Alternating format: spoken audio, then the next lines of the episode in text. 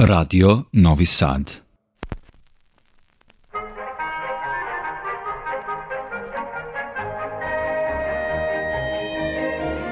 Putevima muzike. Vodi vas Olena Puškaš.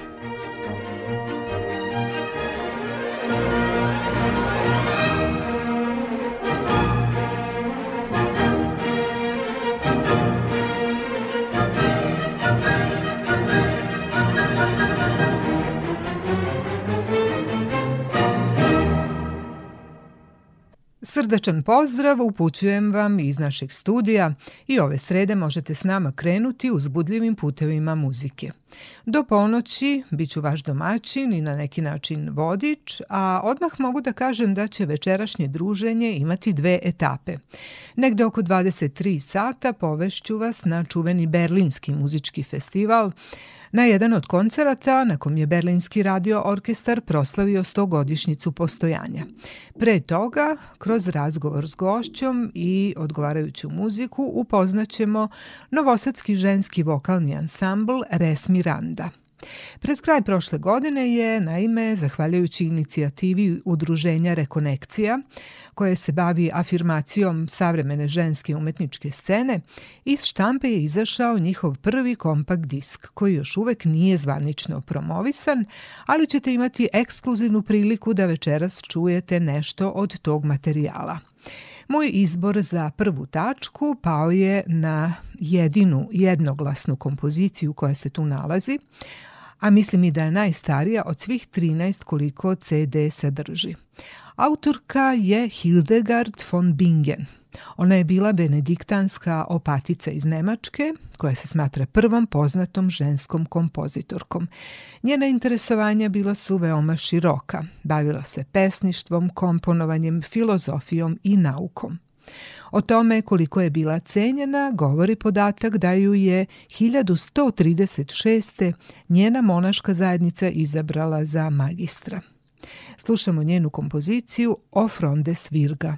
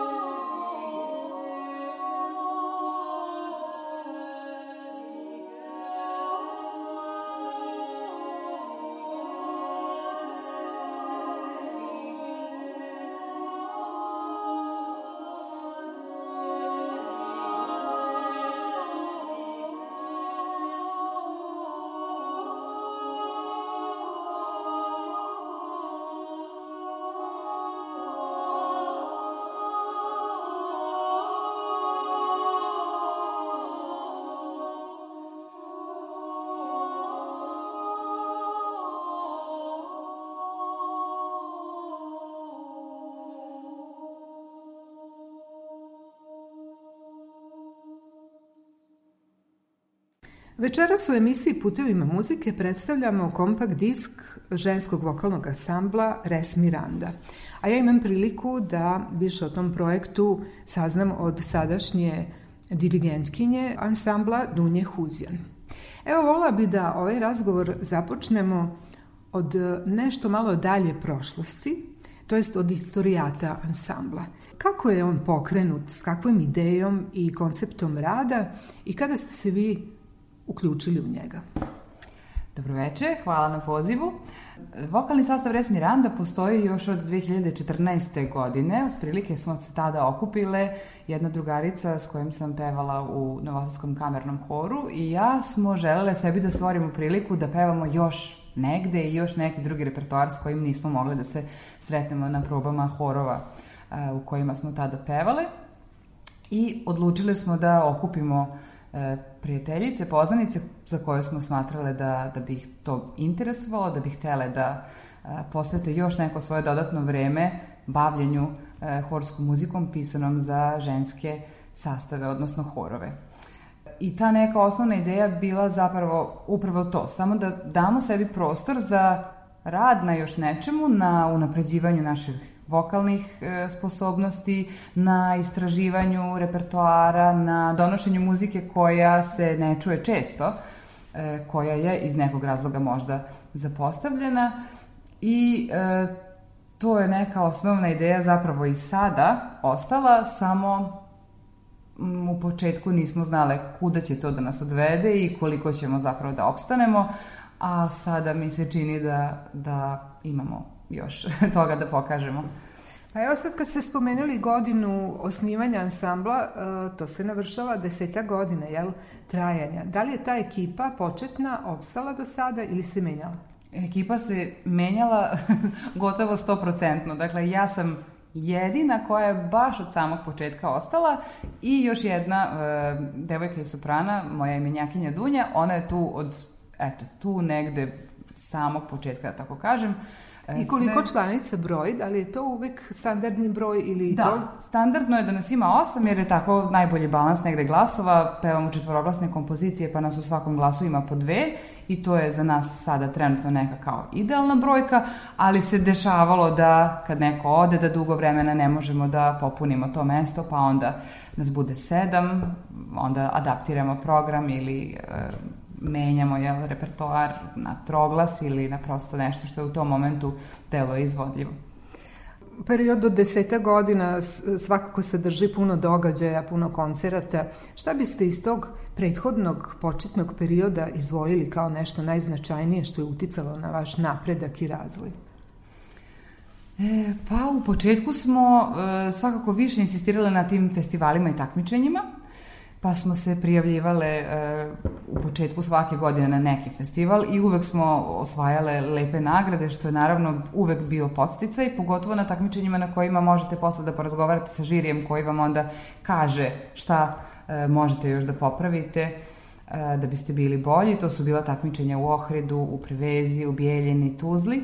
Onda kad je došla, e, da, onda smo imali jedno takmičenje u Splitu, u Hrvatskoj, pa jednu kratku koncertnu turneju u Hrvatskoj, Sloveniji i Italiji koju smo same u saradnji sa nekim različitim horovima organizovale. To je sve bilo jako lepo i jako motivišuće. Da, i onda je došla korona i onda mali prestanak tih putovanja i, i, i angažovanja na takvom nekom polju, pa smo nekako zaključile da je možda vreme da više uložimo u koncertni repertoar, nego u to neko nastupanje po 15 minuta na nekim festivalima, tako da sad negde više razmišljamo o programskom e, konceptu koncerata.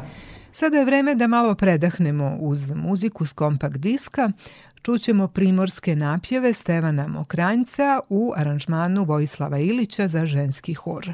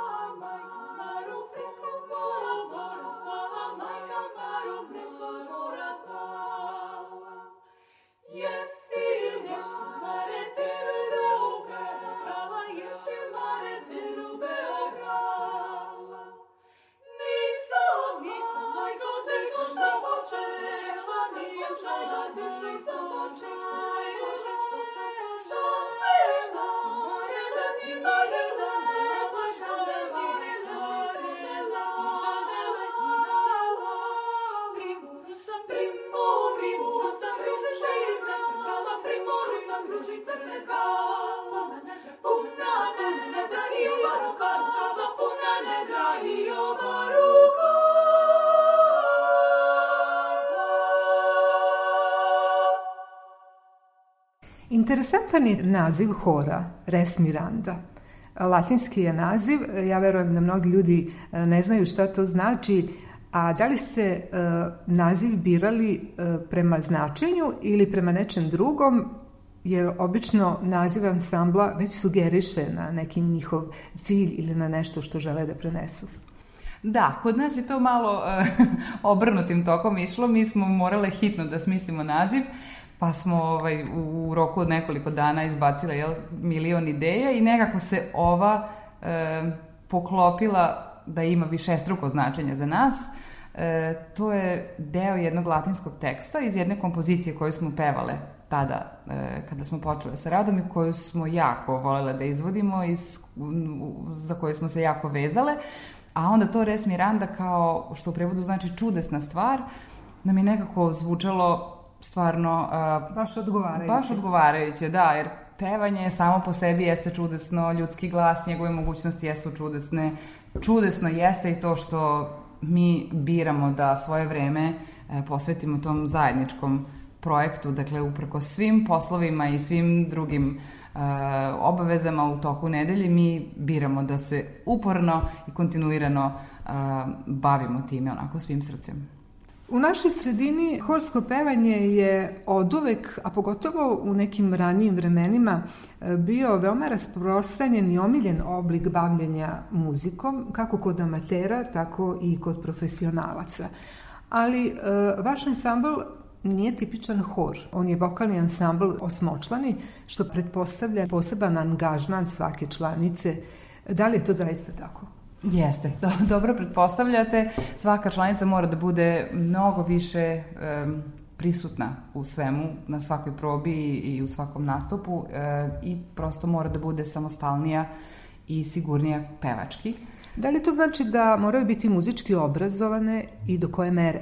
E, Ne, zapravo to ne znači to i mi od samog početka imamo članice koje jesu muzički obrazovane i uvek nekoliko njih koje nisu muzički obrazovane, ali imaju dugogodišnje e, iskustvo pevanja u horovima ili u drugim nekim muzičkim grupama, tako da imaju bogato iskustvo i tu neku prosto muzikalnost i muzičku intuiciju s kojom mogu da rade ovo što mi radimo. Naravno da bi bilo lakše da sve možemo da čitamo note i da imamo tu negde isti nivo razumevanja i shvatanja muzike, bilo bi jednostavnije i verovatno da bismo više programa mogle da prolazimo i na drugačiji način, ali nije neophodno i prosto ovo je neki sad sadašnji naš nivo Koji je to nivo, sada proveravamo slušajući dve različite pesme s ovog CD-a.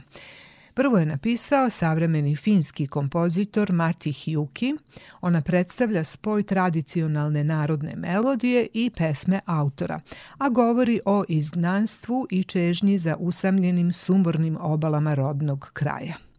Zatim sledi balada Billya Joela And So It Goes sa njegovog albuma Stormfront iz 1989. Sam Billy Joel rekao je da je to njegova najmanje cenjena pesma, ali on na nju najviše ponosan.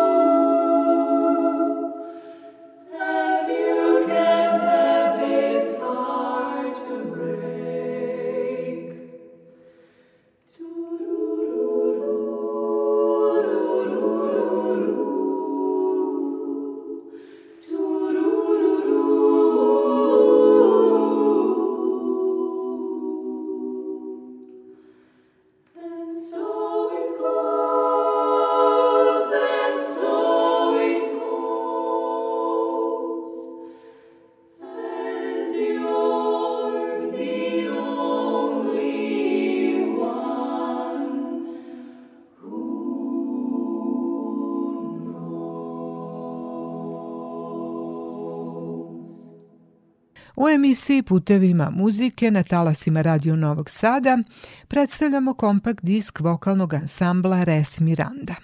A ja sada nastavljam razgovor s dirigentkinjom Dunjom Huzjan. Vi ste i sama jedna od članica tog vokalnog okteta, pevate altovsku deonicu, ili tako? Mm. E, takođe imate i ulogu dirigenta i rukovodioca ansambla, što znači da birate repertoar, e, odlučujete gde će se nastupati i na koji način i tako dalje.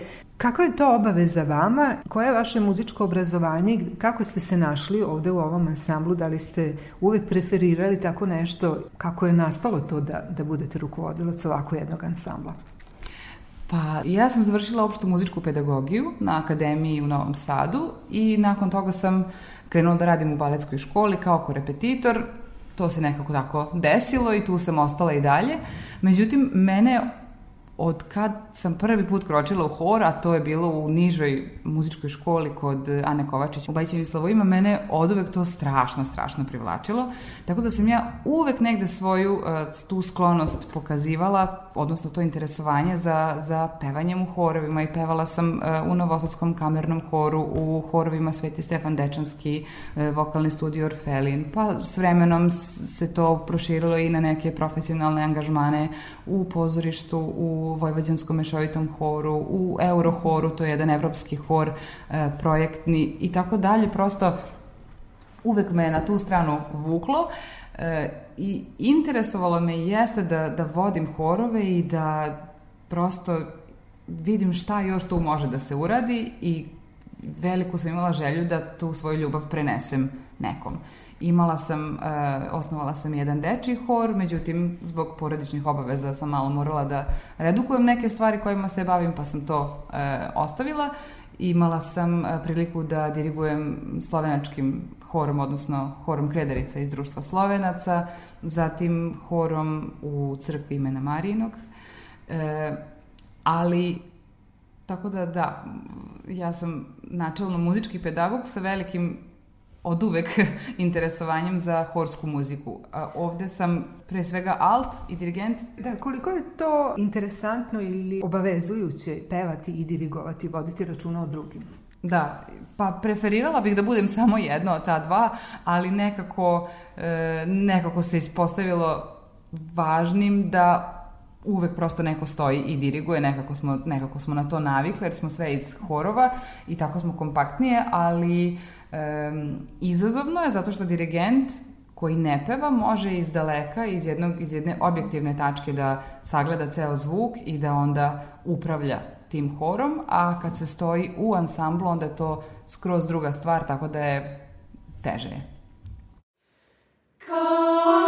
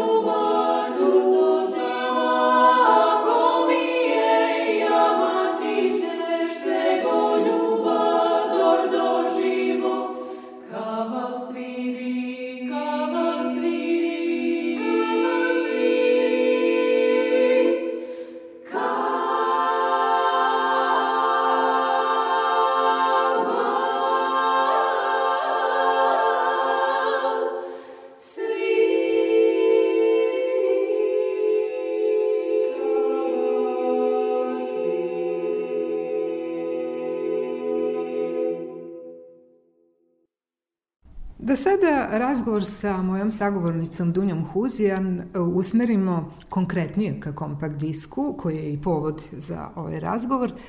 E, Taj disk je podržao grad Novi Sad i Savez feminističkih organizacija Rekonekcija. E, Kako je biran materijal koji će se tu naći i kako je sniman? Ideja za ovaj ceo album je bila da nas taj album predstavi. Dakle, to je jedan onako u pravom smislu te reči debitantski album kao nekakva lična karta, da tako kažemo, e, našeg ansambla. Tako da je osnovni koncept bio da e, predstavi naše trajanje i promene kroz svih ovih deset godina koliko postojimo. E, tako da smo mi izabrale i nekoliko baš starih snimaka sa naših početaka i sa nekim potpuno drugim članicama koje sad više nisu e, u sastavu. E, I naravno sve to je uslovilo i da prostori u kojima su snimani snimane numere budu različiti. Tako da snimale smo u Muzeju Vojvodine, u Galeriji Matice Srpske, u kulturnoj stanici Ećšeg, u muzičkoj školi Novoj u amfiteatru i mislim u studiju M da ima jedna numera. Tako da je ovaj album onako dosta šarenolik što se tiče i izbora repertoara i tog nekog e, zvuka i, i, i prosto e, ambijenta. E, a naravno i po tome što je u svakoj numeri bar jedna članica drugačija u odnosu na prethodnu numeru. A što se tiče izbora repertoara, šta možete reći, šta tu preovlađuje ili šta, šta je bilo onako najreprezentativnije da se tu nađe? Repertoar smo birale tako da nekako prikaže to što mi radimo i da prikaže sve te aspekte a, muzike koju mi negujemo na našem repertoaru, pa smo a, onda odabrala jedan blok srpskih kompozitora kao prvi, e, onda nekoliko kompozicija duhovne muzike i za kraj nekoliko kompozicija e, svetovnog karaktera stranih kompozitora. I tu je, e, moram da napomenem, kompozicija Jedan dan, drugi dan po kojoj i ovaj album nosi ime, to je kompozicija koju je specijalno za nas pisala Doroteja Vejnović, naša mlada novosadska kompozitorka. Taj naziv isto jedan dan, drugi dan je takođe simboličan kao i sam naziv ansambla. Ne znam, mene asocira na neku promenljivost, na, na protok vremena. Jeste, to je, to je neka osnovna ideja, da. E, sama kompozicija zapravo govori o nečem drugom, e, odnosno o, da, protoku vremena, ali u nekom određenom kontekstu, ljubavni je tekst u pitanju, ali za nas lično znači upravo to neki protok vremena i istrajavanje kroz taj protok i, i nastavljanje da postojimo i da radimo uz sve te promene i uz sve poteškoće s kojima se susrećemo. E, Da li postoji neki repertoar koji je baš namenjen za ovako jedan manji vokalni ženski ansambl ili su to horske kompozicije? To su uglavnom horske kompozicije, da. E, neke, neke su čak recimo horske kompozicije za mešovite horove aranžirane Aha. za ženski hor, kao što su na primer e, Rukovet i Primorski napjevi. Neke su pisane namenski za, za ženski hor i eto jedino je recimo Rusulica Klapa, koja je dakle i namenjena baš za vokalni sastav, jer klape su uglavnom tako osmočlane muške ili ženske ili mešovite i jedan dan koji je, eto, Doroteja imala naš zvuk već u vidu kada je pisala tu muziku. Sada je trenutak da poslušamo naslovnu pesmu albuma Jedan dan, drugi dan, Doroteje Vejnović.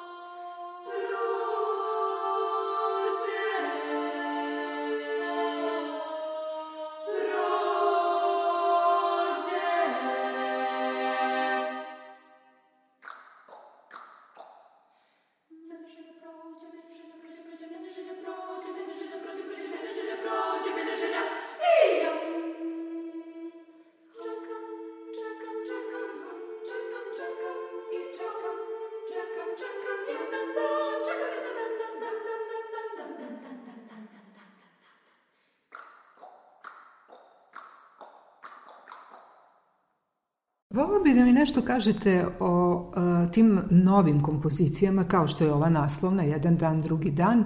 Kako se vi i članice ansambla snalazite u čitanju, raščitavanju neke nove partiture i muzike koju nikad niste čuli? Kako teče to oblikovanje tog materijala i, i stvaranje interpretacije? Pa to je jako zanimljiv zapravo proces, zato što mi ne znamo šta će na kraju da ispadne i ja sam malo sklona tome da se baš ni ne pripremim u potpunosti uh, sa nekom zamisli pre samog rada, nego da zapravo baš usput kad vidim kako nešto može da zvuči, da onda zapravo odlučujem šta mi se više ili manje sviđa. Da, i da baš onda ono dan po dan. Da, Ta zahtevnost moderne muzike u odnosu na onu e, klasičnu horsku muziku koja je možda većini e, u ušima, da li tu ima nekog izazova posebnog? Zavisi kakva je muzika u pitanju. Mislim, postoji i savremena muzika koja je vrlo pitka i koja je vrlo laka za uh, usvajanje i za, za slušanje, koja je nekako istovremeno i savremena i bliska. Uh, čak i ova Doroteina kompozicija je sasvim harmonski negde, harmonski jezik je negde uh, nama već u ušima, ali smo imali izazova sa nekim ranijim kompozicijama um, to što prosto je jako izazovno, mi to izguramo do kraja, ali onda ili, ili nekako legne ili ne legne. Volimo da sarađujemo sa mladim kompozitorima i sa savremenim kompozitorima. Volele bismo da imamo i vremena da češće to radimo. Tamaru Knežević nismo ovde e, snimile, odnosno njenu kompoziciju, ali smo je uvrstile u naš prethodni program koji se zove Muzička mapa Srbije.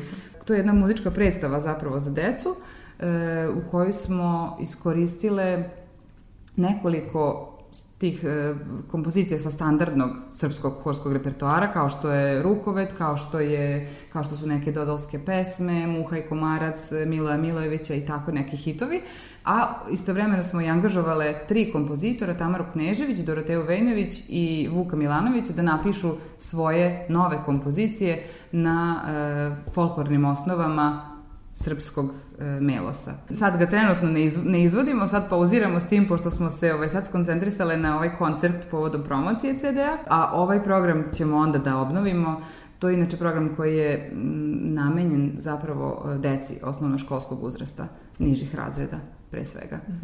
Da. Pa evo sad kad smo to spomenuli, koliko je važno da se ta neka mlađa publika, da se deca muzički obrazuju, da se naviknu na neki profinjeniji zvuk, na horsko pevanje, uopšte na umetničku muziku. To je jedan deo koji čini mi se dosta zapostavljen ovde kod nas. Pa jeste, da, i nama se isto čini vrlo važnim i vrlo vrednim, jer generalno publiku sve više i više čine stariji ljudi publiku umetničke muzike e, i recimo, evo sad koleginica Verica Pejić u pozorištu radi sjajnu stvar Da, da. sa ovim dečim horom i sa tim postavljanjem dečje operske scene, a mi pokušavamo na naš način da damo doprinos tom građenju.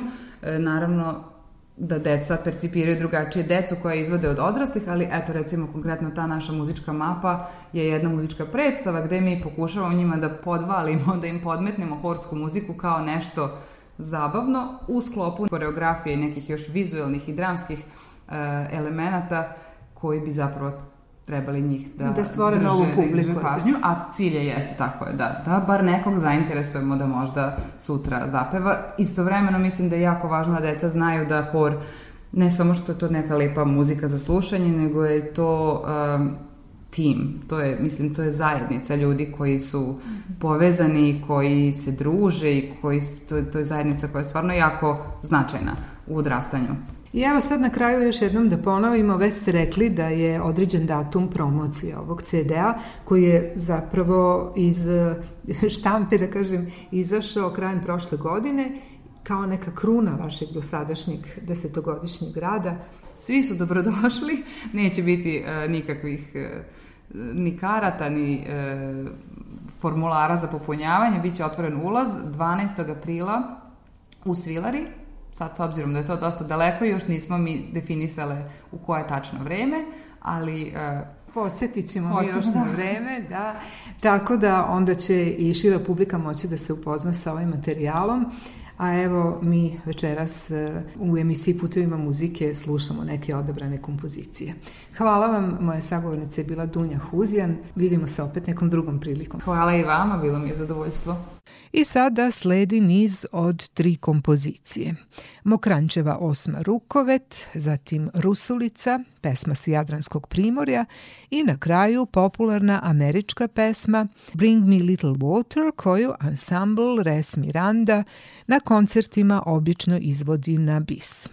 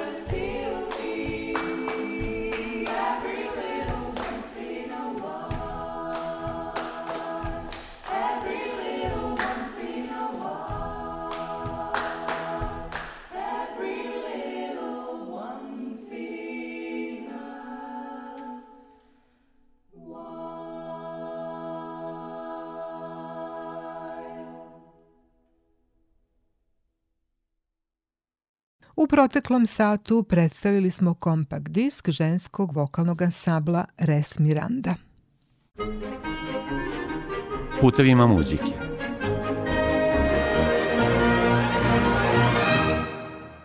Prelazimo sada u drugu polovinu naših večerašnjih puteva tragovima muzike posredstvom radiotalasa i članstva radiotelevizije Vojvodine u Evropskoj radiodifuznoj uniji vodim vas u prestonicu Nemačke, Berlin.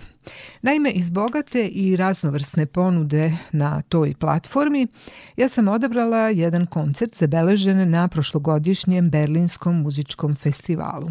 On se tradicionalno održava krajem leta i ima imidž manifestacije na koje se prikazuje inovativni kreativni rad velikih orkestara i ansambala u žanru klasične i moderne muzike. Jedan od koncerata održao je Berlinski radio orkestar koji je u 2023. proslavio 100-godišnjicu postojanja. To je inače najstariji aktivni radio orkestar u Nemačkoj.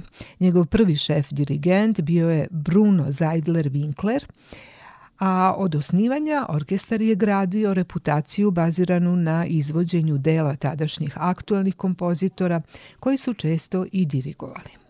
Među njima su bili Paul Hindemith, Artur Honegger, Darius Milhaud, Sergej Prokofjev, Richard Strauss, Arnold Schoenberg i Igor Stravinski, kao i Kšištof Penderecki, Walter Schartner i Udo Zimmermann.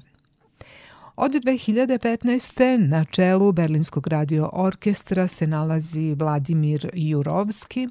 On je dirigovao i koncertom koji je sada pred nama. Prva tačka koju ćemo sada čuti jeste Mala muzika za tri groša. Autor je Kurt Weill 1929. On je preradio za duvački ansambl, klavir i perkusije ovu svitu, e, koristeći materijal svoje istoimene opere, koja ga je inače proslavila širom sveta. Sažeta instrumentalna verzija omogućila je da se široka publika lakše upozna s ovom muzikom i ovaj komad je vrlo brzo dostigao, ako ne i prestigao popularnost opere. Svita je podeljena u osam stavova, njihovi nazivi su Uvertira, balada o maku nožu, umesto pesme, balade o prijatnom životu, poljska pesma, tango, kanon i finale za tri groša. U izvođenju učestvuje duvački deo Berlinskog radio orkestra i pijanista Kiril Gerstein.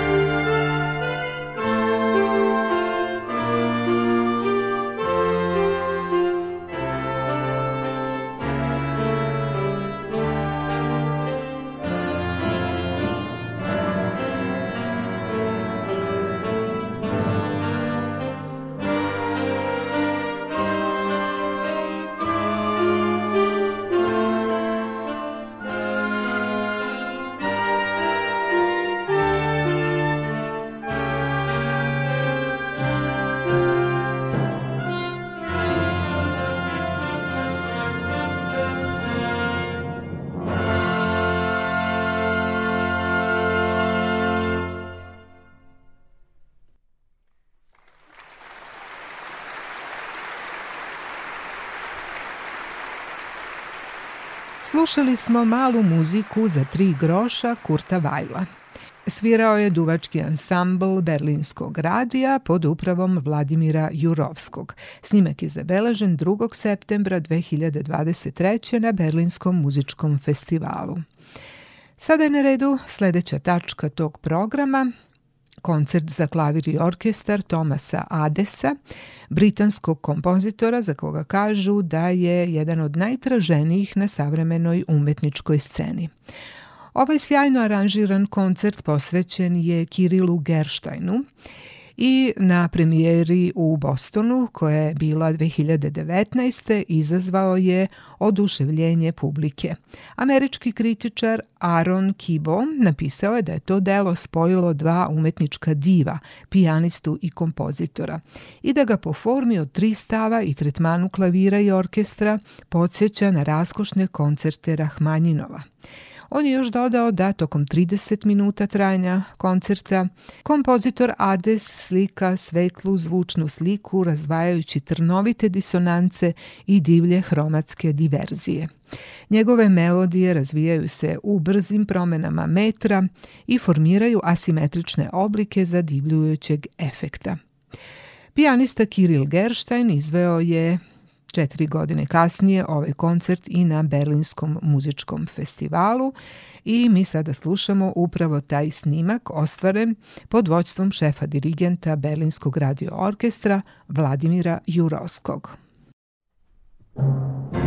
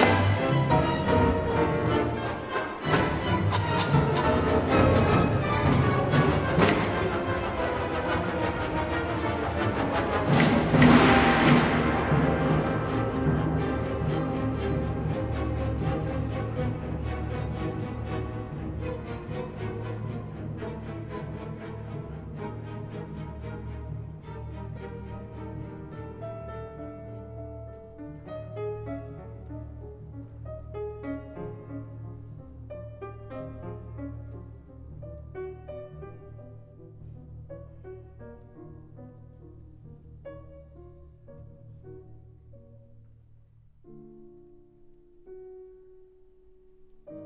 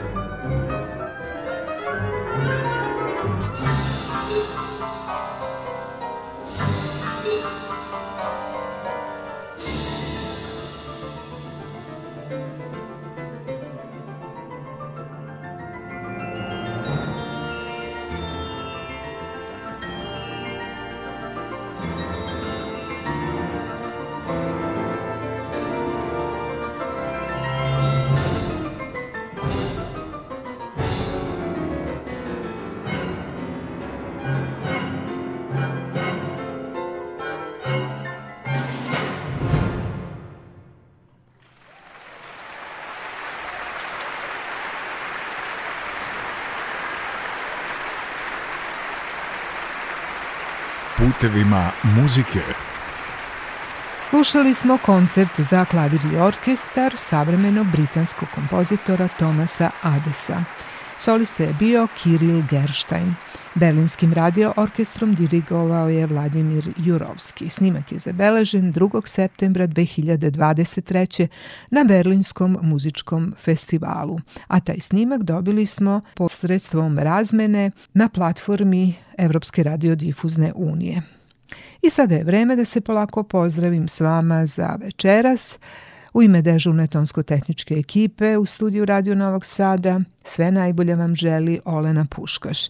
I ujedno vas podsjećam da emisiju Putevima muzike možete slušati i odloženo na podcastu media.rtv u folderu radio emisije umetničke muzike. Želim vam prijatnu i laku noć.